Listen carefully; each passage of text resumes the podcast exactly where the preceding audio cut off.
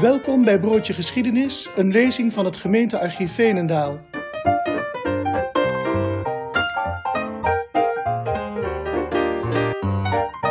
Deze lezing gaat over Zwarte Jannetje en vond plaats op 20 januari 2020.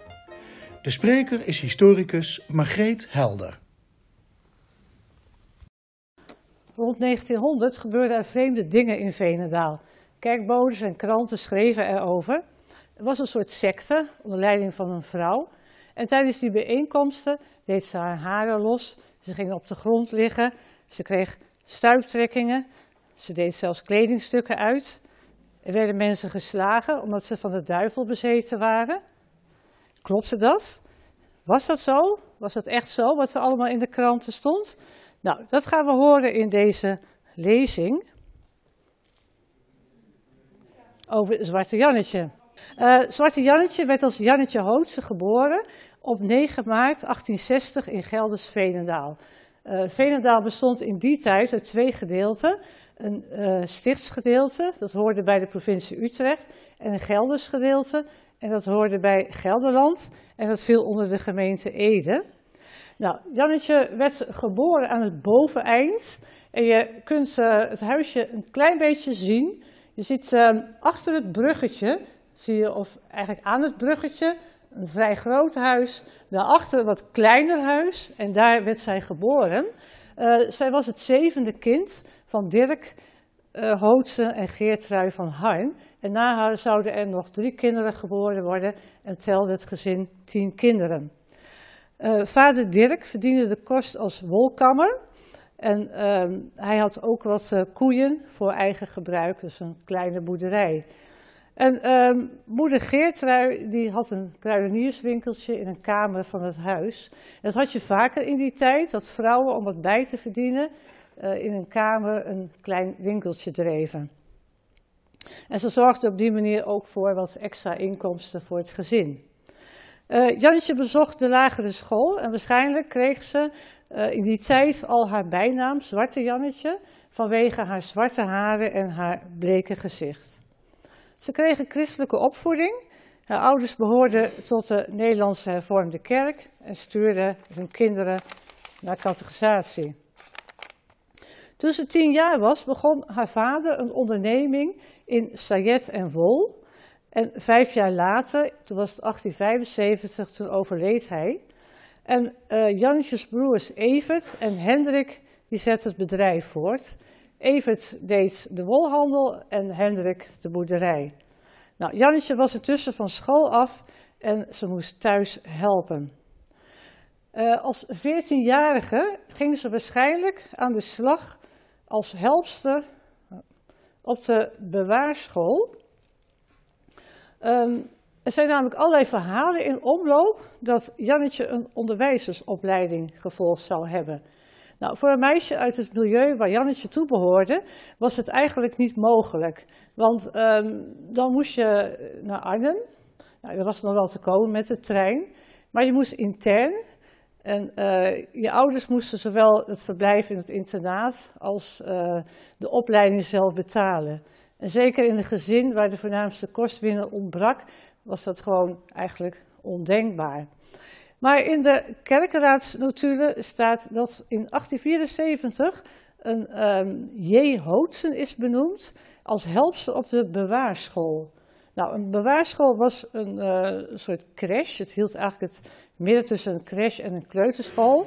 En kinderen konden daar terecht vanaf hun tweede tot hun zesde jaar. Daarna gingen ze naar de lagere school. Nou, die uh, bewaarschool die werd gehouden in een gebouw aan het Boerse land. Dit gebouw. En uh, dat was het evangelisatiegebouw. En in één of twee lokalen van dat gebouw werd dus um, school gehouden. Uh, later is dat de Beatrix School geworden. Nou, die school stond onder leiding van mevrouw Kennedy. En Jannetje, we nemen tenminste aan dat dat uh, Jannetje geweest is, was daar helpster.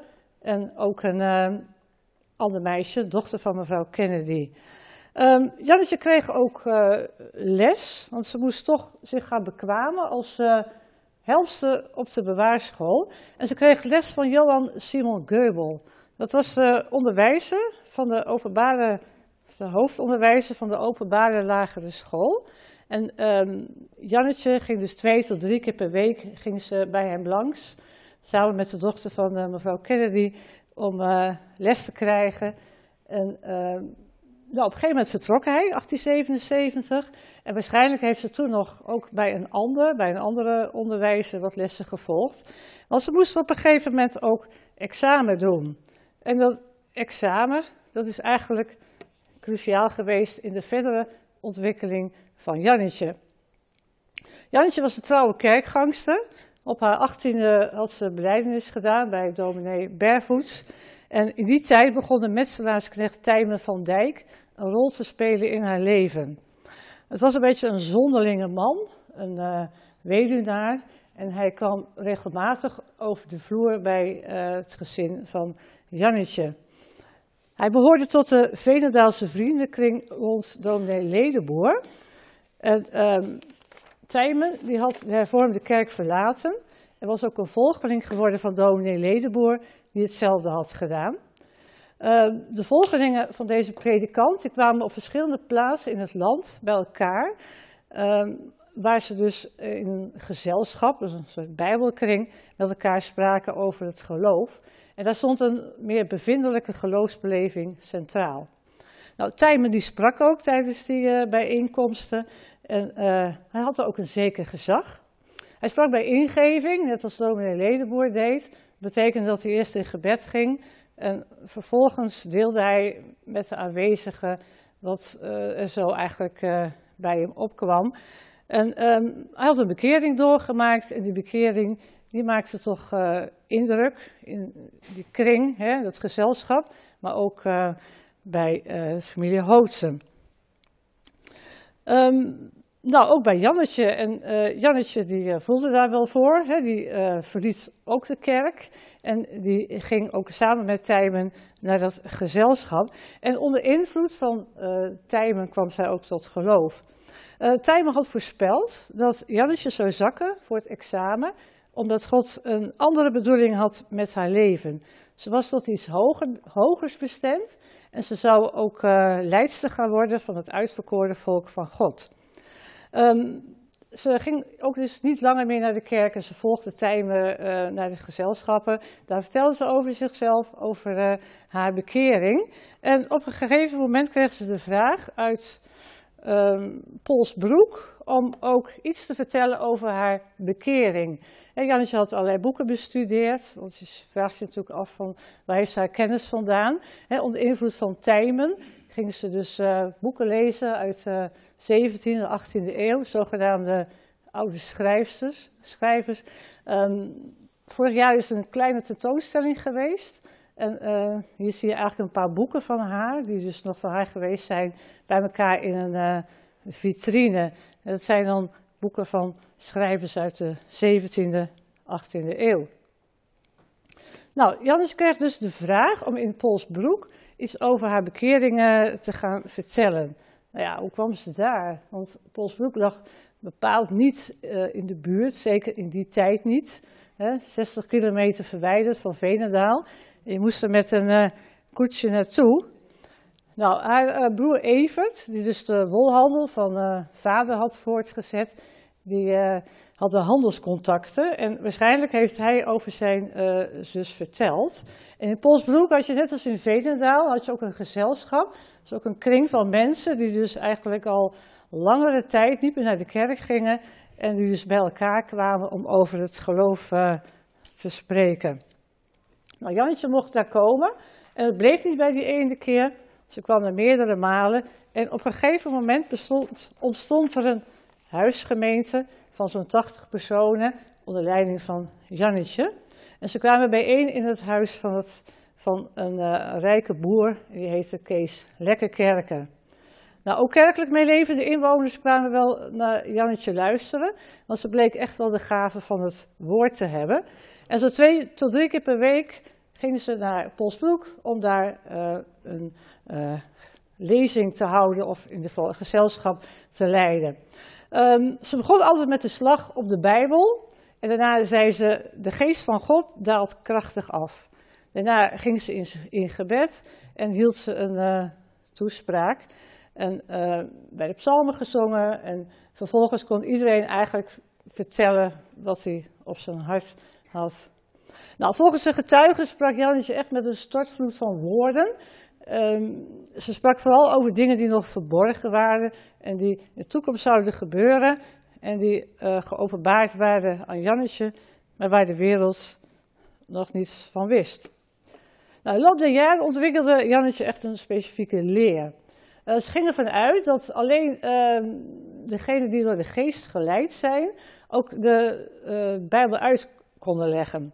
Predikanten konden dat niet. Predikanten waren puur verstandelijk bezig. En uh, het verstand dat was door de zonde verblind. En daarom konden zij de Bijbel niet goed uitleggen. Nou, mensen als Jannetje, hè, die vervuld waren met de geest, die brachten de goede uitleg. Nou, Jannetje leerde dat God een nieuw verbond had gesloten, zo net voor 1900, waar hij beloofd had om de Heilige Geest naar de aarde te sturen in de persoon van een vrouw. Niet in de persoon van een man, maar in de persoon van een vrouw. En dat was Jannetje. En zij werd daarom ook wel de bruid van Christus of de vrouw van Christus genoemd.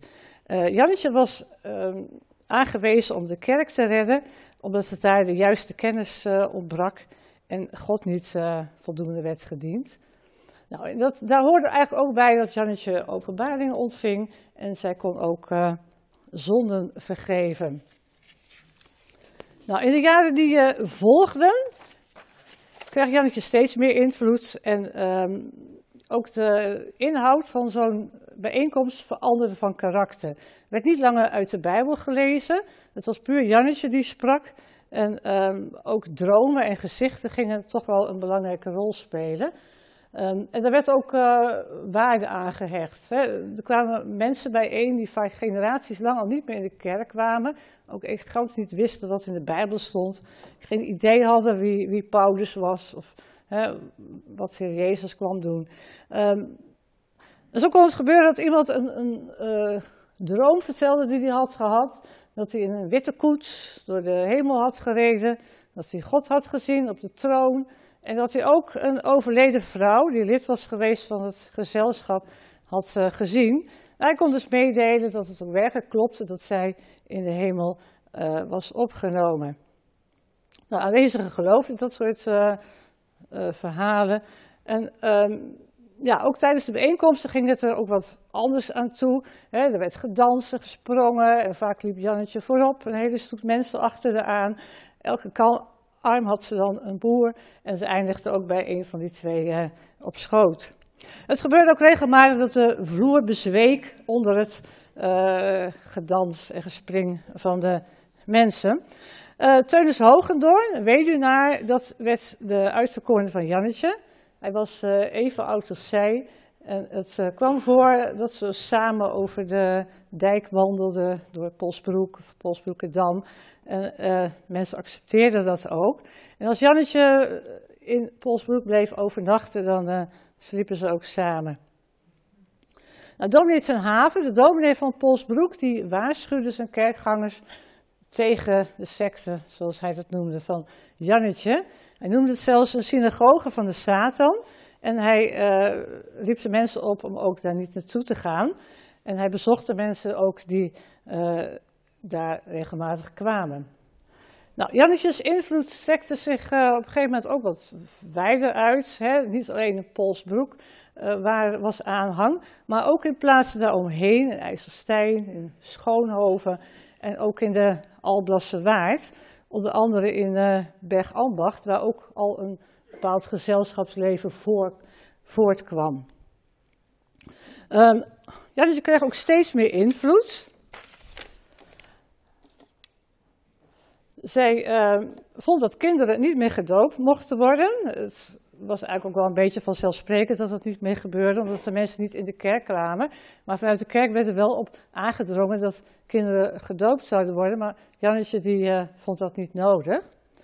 Uh, bij ziekte werd er geen dokter geroepen, want uh, Jannetje meende dat God de ziekte had gestuurd en je werkte hem dan ook tegen in de beproeving die hij stuurde. En geneesmiddelen mochten ook niet gebruikt worden.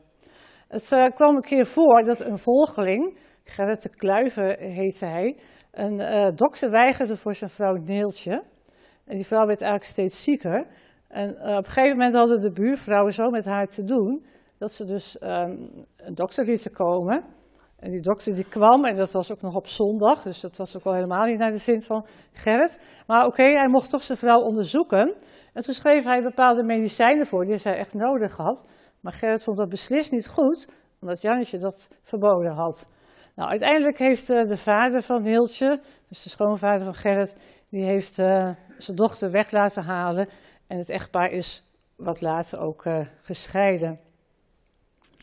Nou, kinderen uh, werden uh, thuisgehouden uit school. Want als je uh, op school, um, als je naar school wilde in die tijd, dan moest je ingeënt zijn tegen de pokken. Jannetje was er tegen, want inenten dat ging in tegen de goddelijke voorzienigheid. Um, kinderen gingen dus niet meer naar school, maar ze kregen thuis onderwijs. En um, ja, de ouders waren vaak ook niet zo geletterd, dus ze gingen vaak als analfabeten aan het werk. Uh, bij ziekte onder de twee mocht er geen aangifte worden gedaan. Uh, dat ging ook weer in. Hè? God had die ziekte gestuurd, dus daar ging ook weer tegen zijn uh, bestuur in. In 1894 braken Mons en Klaus hier uit. En boeren waren verplicht om aangifte te doen. sommigen weigerden, dat waren zowel volgelingen van Jannetje, maar er waren ook wel anderen bij die dat niet wilden. En dan kregen ze een boete. Um, nou, de volgelingen van Jannetje betaalden in ieder geval die boete niet, want zij erkenden de overheid niet. Um, het gevolg was dat ze voor de rechter moesten komen. Um, het kantongerecht zat in Schoonhoven, dus ze moesten naar Schoonhoven. En uh, eenmaal daar aangekomen beval de gerechtsdienaar hen om hun petten af te doen. Nou, eigenlijk wilden ze dat niet, want ja, de rechterlijke macht, ze erkennen de overheid niet en de rechterlijke macht evenmin. Dus die gerechtsdienaar rukte al die petten van hun hoofden en die legden ze terzijde. Nou, de mensen werden uh, ook daar door de rechter veroordeeld tot het betalen van een boete. En uh, nadat ze dat aangehoord hadden, konden ze gaan. Konden ze ook hun pet weer terugkrijgen. Maar omdat die petten door die gerechtsdienaar waren afgenomen, waren ze bezoedeld, wilden ze hun petten ook niet meenemen. En uh, zo kon het gebeuren dat na een rechtszitting dus een hele stapel petten achterbleef. En die mensen gingen allemaal weer uh, een nieuwe pet kopen als ze thuis kwamen. Nou, regelmatig ontstond er, dat is denk ik begrijpelijk, ongenoegen over het optreden van Jannetje. Er werden ruiten uh, ingegooid, werden mensen in elkaar geslagen. Eén keer brandde zelfs een hele boerderij af. En uh, zeker rond de inhuldiging van koningin Wilhelmina ontstond er een wat, wat rellerig sfeertje. Want omdat Jannetje en haar volgelingen de overheid niet erkenden, uh, hadden ze geweigerd om de vlag uit te steken en wilden ze ook hun huizen niet versieren. Nou, rond die tijd was de aanhang van Jannetje, 1898, toch al een beetje afgenomen. Jannetje kwam ook al wat minder in Polsbroek. Ze verbleef meer in Veenendaal. En uh, de, het, verliep eigenlijk al een beetje. En um, dat had niet alleen te maken met die uh, dingen die ik net noemde, hè, dus die inhuldiging van Wilhelmina en die rellen en zo, maar vooral door een paar andere dingen. De eerste vormde een brand bij een van haar volgelingen. En um, dat was in 1893. Um, er was een samenkomst, hè, gezelschap, en Jannetje voerde het woord. En er kwam een bode binnen en die vertelde dat er brand was uitgebroken. En toen voorspelde Jannetje dat het niet bij een van haar volgelingen zou zijn. Maar het duurde niet lang of er kwam een tweede boodschapper en die vertelde dat het wel bij een volgeling was. Namelijk bij uh, de familie De Heer. Nou, de Heer zelf met zijn vrouw, die zat onder het gehoor van Jannetje. En uh, Jannetje stelde ook gelijk haar openbaring, haar profetie bij, door te zeggen dat er in ieder geval niemand om zou komen. Nou ja, dat klopte wel. Er waren vier kinderen in het huis met een knecht. En de knecht slaagde het in om de kinderen ook tijdig uit het huis te halen. En uh, gelukkig kwam er ook niemand om. Maar is nooit achterhaald ook wie eigenlijk die brand heeft aangestoken. Um, tweede was een zalving um, om Jannetje te eren. werd in ehm, de jaren tachtig besloten om haar te zalven, zoals ook koningen en profeten uit het Oude Testament werden gezalfd. Nou, op het moment dat Jannetje geknield klaar lag, werd ze plotseling als door een onzichtbare hand achterover gegooid, stond ze op en ging die hele zalving niet door. Ja, dat konden de mensen gewoon niet begrijpen. Ze hadden het hè, bedoeld als, om Jannetje te eren, maar eh, ze accepteerden dat niet. Nou, wat ook een hele belangrijke rol speelde, ehm, dat waren geruchten in 1898 ook over een zwangerschap van Jannetje. Um, Jannetje verbleef acht maanden in het huis van Kees Lekkerkerken, waar dus ook uh, tijdlang samenkomsten waren gehouden. En niemand kreeg haar te zien. Jannetje had een borstkwaal en ze moest rust nemen, zo liet ze verkondigen. Ehm, zelfs de zwager van Kees Lekkerkerken, die, die in hetzelfde huis woonde, dus onder hetzelfde dak als Jannetje, kreeg haar niet te zien.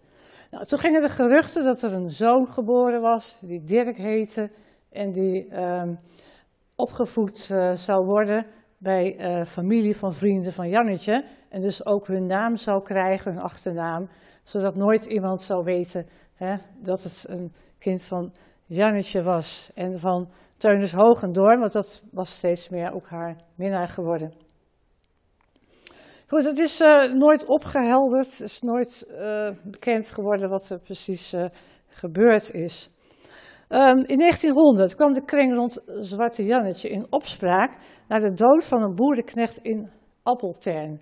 Nou, in Appeltern, of eigenlijk iets buiten Appeltern, kwam een protestantse secte bijeen uh, rond het gemaal Blauwe Sluis. Nou, dat zie je daar op de foto. Nou, bij het gemaal stond een boerderij, daar woonde Tine Scherf en daar kwamen regelmatig mensen bij elkaar die zich bezighielden met duiveluitdrijving. En op de avond van uh, eh, 2 februari 1900 was er ook weer zo'n bijeenkomst. Er was een jong meisje, dat was volgens haar zusje van de duivel bezeten. En ze moest maar eens mee naar Tines Scherf, want die was wel in staat om die duivel te verdrijven. Nou ja, het lukte niet. En ja, Tines was wel een beetje ten einde raad. En toen keek hij zo eens rond hè, bij alle mensen die zich vergaderd hadden om die duiveluitbanding mee te maken. En uh, hij zag dat zijn knecht Jan Brinkman er niet bij was. Nou, toen werd hij razend, want Jan die had er eigenlijk ook bij moeten zijn. Maar Jan wilde niet, want hij hield niet van uh, dat soort bijeenkomsten. Die was er ook op tegen. Nou, Jan werd gehaald en op het moment dat uh, Tinus Jan in de deuropening zag staan, uh, geloofde hij dat Jan echt van de duivel was bezeten. Hij stormde op hem af, hij uh, begon erop in te slaan, pakte een knuppel en de aanwezigen pakten stoelen en krukjes. En zo werd de arme man doodgeslagen. Nou, dat trok natuurlijk breed de publiciteit. Kranten schreven erover, kerkboden schreven erover. En op een gegeven moment schreef de Groninger kerkbode dat het bij Jannetje ook zo toeging. He, vanuit Groningen had men daar kennelijk uh, voldoende inzicht in, uh, wat in uh, Vedendaal en Polsbroek gebeurde. Er was ook sprake van lichamelijke straffen en, en ja, misschien was er ook wel sprake van duiveluitbanning. Nou, de burgemeester van Ede die liet toen uitzoeken of dat nou echt zo was, maar dat bleek allemaal echt mee te vallen. Er werd alleen maar geschreeuwd, schreef hij, en gedanst op orgelmuziek en dat was niet in strijd met de wet. Nou, na 1900 kwam er wel politietoezicht tijdens de diensten in Veenendaal. In Veenendaal werden ook diensten gehouden. En waarschijnlijk had het ook wel te maken met de, uh, het gebeuren in Appeltern. Uh, Jannetje had dus inmiddels gemerkt, zoals ik net al zei, hè, dat de invloed afnam. En ze was verhuisd naar Veenendaal. Um, ze woonde in het grote huis, hier bij dat bruggetje. He, daarachter stond haar geboortehuis met het grote huis bij het bruggetje. Dat liet Teunis Hogendoorn, dus minnaar van Jannetje, uh, voor haar bouwen. Het bruggetje betaalde hij ook zelf, omdat ze er ook wat makkelijker bij het uh, huis kon komen. Een aantal volgelingen ging, ging, mee. Teunis ging ook mee. En uh, ja, zij leefden er eigenlijk als man en vrouw moeder van Jannetje kwam ook uh, daar wonen vanuit het oude huis waar ze nog woonde. En zo kwam er eigenlijk een soort nieuw gezelschap, vormde zich in dat huis. In dat huis werden ook diensten belegd. Nou, in Postbroek verliep de aanhang, er waren geen samenkomsten meer en alleen nog wat ouderen die geloofden ook echt in Jannetje. En in 1901 waren er eigenlijk in Postbroek en omgeving nog maar tien gezinnen die ook werkelijk uh, Jannetje en haar geloof aanhingen. Je het huis van Jannetje nog een keer. Het is uh, een wat latere foto uit uh, de jaren 60. En uh, is wat duidelijker te zien. Um, het is de plek waar dan nu boekhandel De Rang staat. Hè?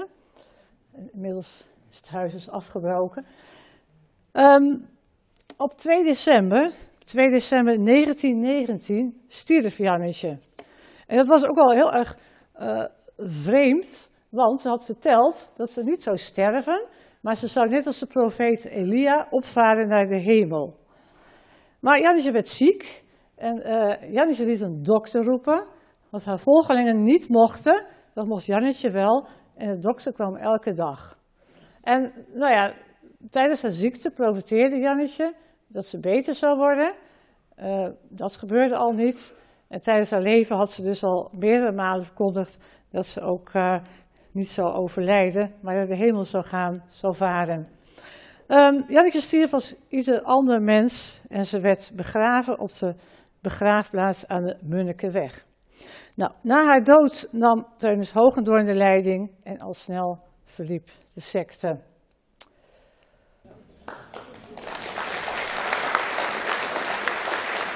Dankjewel.